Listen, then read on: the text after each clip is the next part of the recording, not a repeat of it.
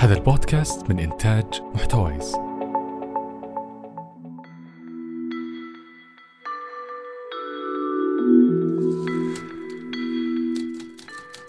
الشهر أبريل من العام 2009 والموافق 1430 هجرية.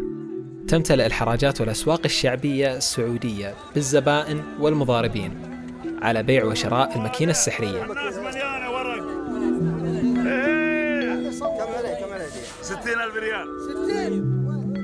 والتي تحتوي على مادة غريبة طورها العلماء السوفيت لتساعد في عملية الاندماج النووي والتي تولد طاقة كبيرة تتجاوز الكثير من القنابل الذرية، المادة التي يستميت العالم للحصول عليها والتي تقدر قيمتها بالملايين.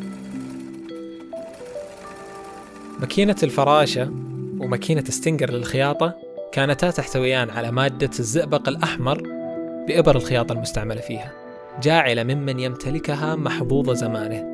بعد استخراج المادة أو بيع الماكينة لمن يستطيع استخراج هذه المادة منها بأغلى الأثمان. تراوح سعر الماكينة الواحدة من ستينجر والفراشة بين 5000 وحتى 50 ألف ريال سعودي.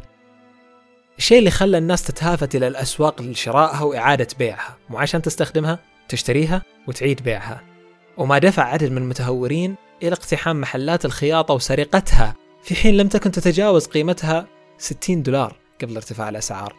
فوضى كبيرة تسببت فيها إشاعة هذه المادة الأسطورية. نعم هذه المادة مجرد إشاعة ابتدعها العالم في عام 1980 ولا زالت مادة الزئبق الأحمر مجرد أسطورة حتى هذا اليوم. السؤال هنا وبعيدا عن الزئبق. ماذا كنت ستفعل لو أنك امتلكت فعلا هذه الماكينة في الوقت التي دارت فيه هذه المعلومة بين الناس وصدقها الأغلب ماذا كنت ستفعل لو رأيت الناس تتقاتل على شراء هذه الماكينة التي أنت تعلم لن تستعملها أكثر من مرتين في السنة على أفضل تقدير حتى وإن لم تصدق هذه الإشاعة هل ستبيعها حين يتجاوز سعرها عشرة أضعاف قيمتها؟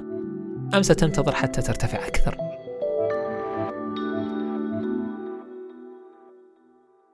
سواء قررت البيع أو الانتظار أو حتى شراء المزيد لإعادة البيع فإن كل قراراتك هنا خاضعة لسلوكك البشري في التعامل مع الفرصة أو لحجم الفرصة أمامك كيف تقيم الفرصة؟ هل تسوى أم لا؟ هل أنت من النوع اللي تصدق الإشاعات بسرعة أو أنك من النوع اللي تغتنم الفرص؟ هل أنت تعرف قصة الزئبق بذاك الوقت أو لا؟ هل أنت تدري أنها إشاعة أو حقيقة؟ وش الأشياء اللي بتأثر على اختيارك لأي قرار في هذا الموقف؟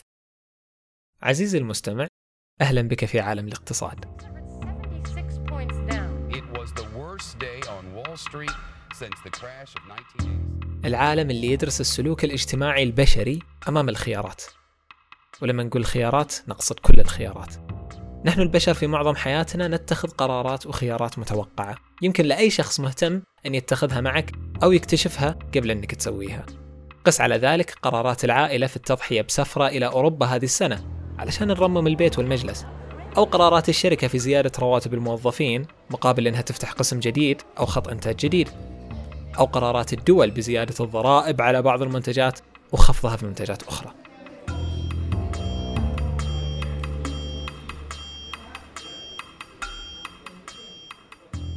لأن كل الموارد في العالم محدودة. الغذاء الماء البترول الكهرباء وحتى الوقت. كلها محدودة. فإن كل قرار يتخذ تجاه أي من هذه الموارد يكون دائما محسوب ومدروس بمعادلة بسيطة جدا. ما هي العوائد اللي راح أجنيها مقابل التكاليف أو التضحيات اللي أعملها؟ عندنا عوائد وعندنا تكاليف. عندنا عوائد وعندنا تضحيات. كم درجة راح أضحي فيها من معدلي الجامعي إذا لعبت بلاي ستيشن مع ربعي بالجلسة بدل إني أذاكر ليلة الاختبار. وبعدين كم كيلو واط من الكهرباء راح يستهلك البلاي ستيشن لما نلعب فيه؟ وبعدين كم راح يزيد علينا الفاتورة؟ هذه المعادلات قد تكون تافهة وبالكاد مؤثرة ولا تهم الجميع أيضا.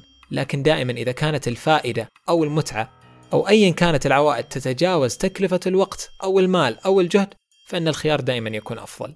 ما هي العوائد والتكاليف من إغلاق مصانع هاتف آيفون في الصين وإعادة افتتاحها في الهند أو توقف التجارة بين الولايات المتحدة والصين أو حتى إطلاق رجل على سطح القمر بتكلفة إنتاج عقاقير لعلاج مرض عضال. الإجابة هي نفسها.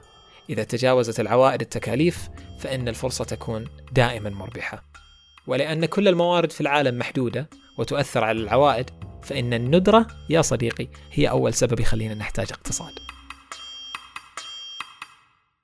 معنا اليوم الأستاذ عاصم الرحيلي أستاذ قدير مستشار مالي متخصص في إدارة الثروات وعضو جمعية الاقتصاد السعودية. مدون وناشط في شبكات التواصل الاجتماعي. طبعا أكيد إذا أنت مهتم بالإدارة المالية أو بالاقتصاد مر عليك هذا الاسم في يوتيوب تويتر أو غيرها أو حتى في سناب شات. أهلا بك أستاذ عاصم. يا هلا والله حياكم الله. شرفتنا اليوم. شرف لي طبعا المحتوى الاقتصادي أو المحتوى المالي بشكل أو بآخر غالبا ممل. فلما أشوف أرقامك آه، أنصدم. يعني أنا كنت من أيام ال- من أيام الجامعة أتحمس لما لما بديت أدرس الاقتصاد تسولف مع الناس تبين لهم الموضوع أنت مهتم جدا في الموضوع. بس الكل عرفت يتعامل معه بطريقة اللي قاعد تتكلم لغة أخرى أو إنك ال- الموضوع مرة جدا ممل يعني كأنه بديهي جدا لدرجة إن الناس ما تسأل عنه. فهل واجهت هذا الموضوع؟ إنه موضوع النقطه لما تتكلم عليها أو تحاول إنك تشرحها أو تحاول تبسط الدوافع وراها تحس إنها بديهية جدا أو والله شوف يا وش حسين. الخلطة يعني؟ شوف يا حسين سؤالك ممتاز جدا رائع. آه ترى أنا وأنت نمارس الاقتصاد من يوم ما كنا صغار. إحنا جميل لما كنا تذكر لما نروح مثلا ال- ال- البقالة مثلا. نعم. معك ريال ولا ريالين؟ حسب ال... حسب ميزانيه حسب العائلة. الميزانية نعم. نعم. معك ريال ريالين وتدخل تدخل البقالة. أول ما تدخل البقالة غالبا أنت تفكر وش أكثر شيء ممكن أسويه بالريال هذا أو وش أكثر شيء أقدر أسويه بالريالين هذا. هذا مبدأ مهم وموجود في الاقتصاد اللي هو تعظيم المنفعة. تعظيم المنفعة نعم. تعظيم منفعه وبالمناسبة يعني آه، آه، أحد الزملاء حكى لي قصة أحد ال- الدكاترة. آه، أخذ ابنائه كانوا في أمريكا. والأب يعني حب يشاغب شوي مع عياله فصار يوديهم زي ال... ال... ال... الستور أو ال- ال- المحل حق ال- ال- الحلويات متخصص بس في الحلويات. نعم. ويعطي كل واحد مبلغ يعني يعطيهم كلهم نفس المبلغ. ويخليهم يروحون يشترون بال... بال... بالفلوس هذه من آه، ال store هذا. جميل. آه، أول يوم كلهم اشتروا نفس الح- ال- الحلوى نفس النوع نفس الشكل كلهم نفس الشيء. صرفوا نفس المبلغ كل واحد أخذ نفس الحلوى اللي صار إنه بدون ما يتكلم في اليوم الثاني سوى نفس الشيء أعطاهم نفس المبلغ وداهم نفس ال store. الأطفال الصغار وهم ما درسوا اقتصاد من حالهم صار كل واحد فيهم يشتري شيء مختلف ويتفقون قبل لا يدخلون إنه إحنا بنطلع ونروح البيت. وترى إحنا ويل يعني راح نتشارك ترى الحلويات مع بعض. نعم نعم. ليش؟ يبغون يعظمون منفعتهم. المنفعة إني جربت كل أنواع الحلويات بدل ما كنت جربت نوع واحد. بالضبط هذا ما يحتاج يدرس اقتصاد جزئي عشان يعرف المعلومة هذه. جميل جدا جميل جدا. مقابل كل عائد تكلفة ومقابل كل ربح فرصة. فلو كان أمامي عدد كبير من القرارات اللي لازم أتخذها وواضح أمامي عوائد كل منها مقابل التضحيات أو التكاليف اللي بتجي معها. فطبعا راح أستبعد كل الخيارات الخاسرة أو الصفرية وأبقى مع الخيارات الرابحة فقط. لكن لو قلنا أنه يحق لك تتخذ ثلاثة قرارات فقط فبالطبع ما راح تبحث عن المربح منها فقط بل عن أكثرها ربحا. وإن كانت كلها خاسرة فالأقل خسارة. وتقبل أفضل السيئين. في كل قرار تتخذه من الثلاث قرارات اللي بيدك راح تقلل من فرصة اتخاذك إلى قرار آخر. فبعد القرار الأول راح يكون عندك قرارين فقط وبعد القرار الثاني راح يكون عندك فرصة اتخاذ قرار واحد فقط. وبعدين؟ خلاص خلصت فرصتك. حتى الفرص اللي ممكن نتخذها تخلص.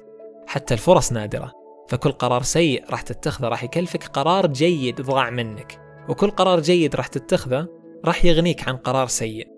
هذا المبدأ يعرف بمبدأ تكلفة الفرصة وهو السبب الآخر بعد الندرة اللي خلينا نحتاج الاقتصاد.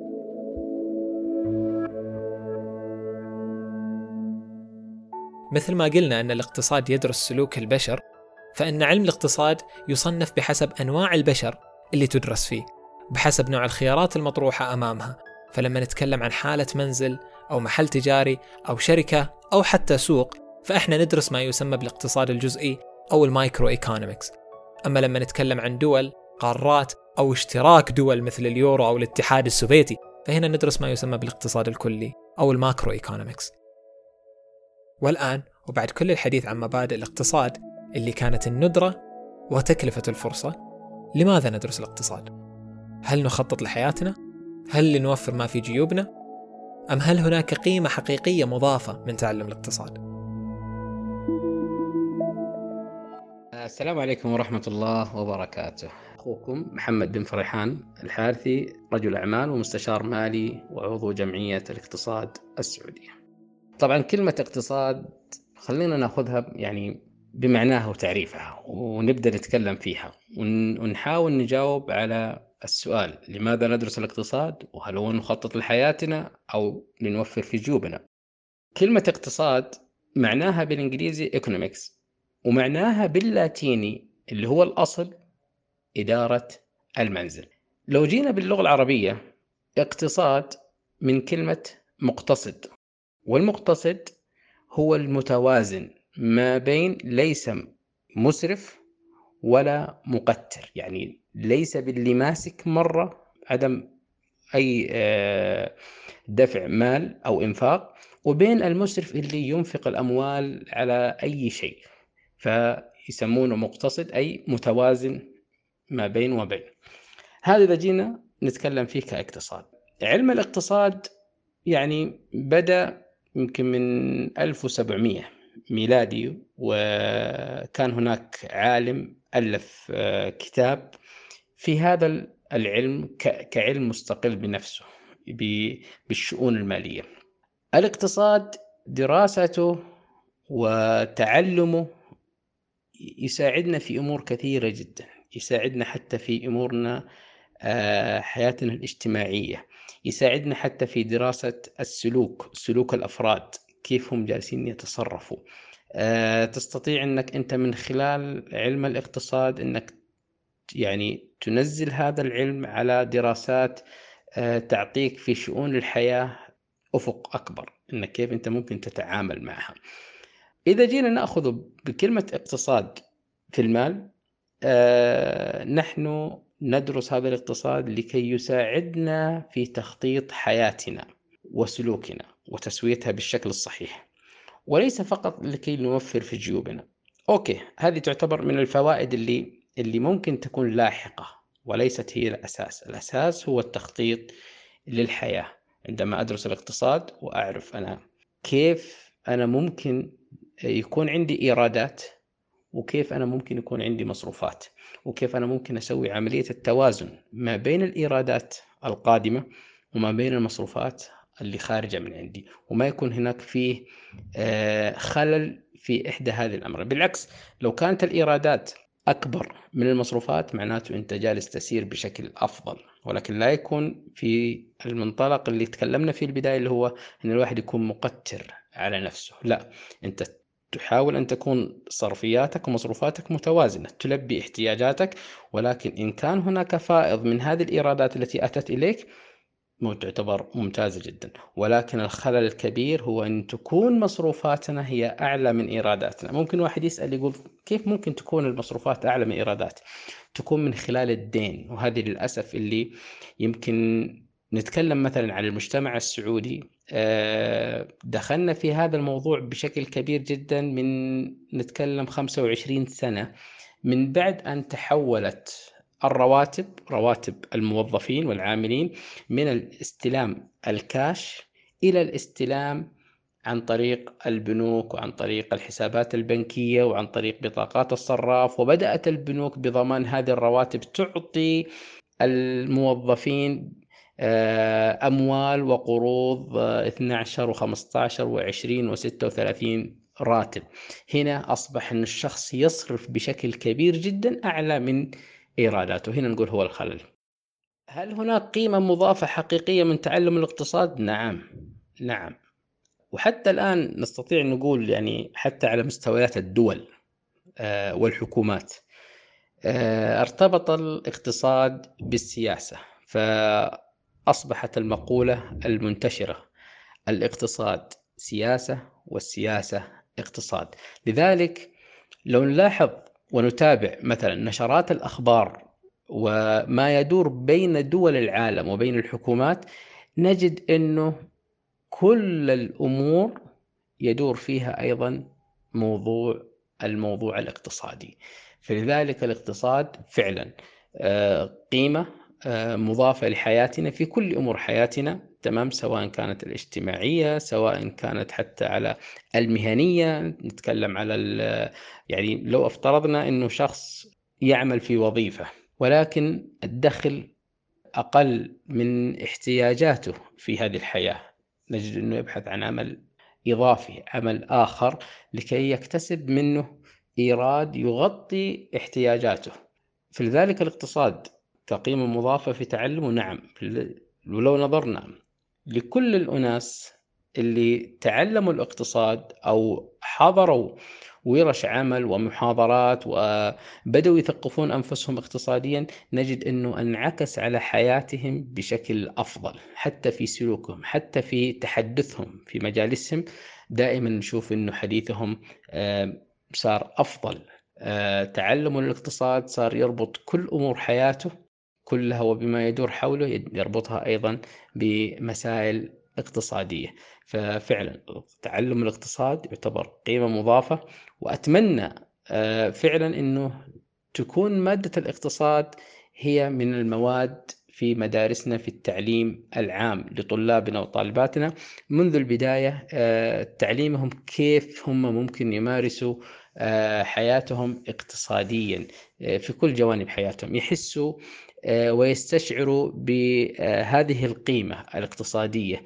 أنا بدأت يمكن حتى لو أخذنا حديث أنا أنا بدأت إني أدرب وأبنائي على مبدأ الاقتصاد. من أكثر من خمس سنوات منهم حتى في يعني مرحلة مرحلة المتوسطة في التعليم العام. صرت أصرف لهم رواتب شهرية بسيطة وأجعلهم يصرفون على احتياجاتهم من خلال هذا الراتب فيتوازنون فيه. فيجد بعض الأحيان نجد عندهم فائض بعض الأحيان في عندهم عجز ولكن بدأوا يتعلمون هو كيف جالس يدير أمور حياته عن طريق تعلمه لهذا الاقتصاد كممارسة تطبيقية عملية.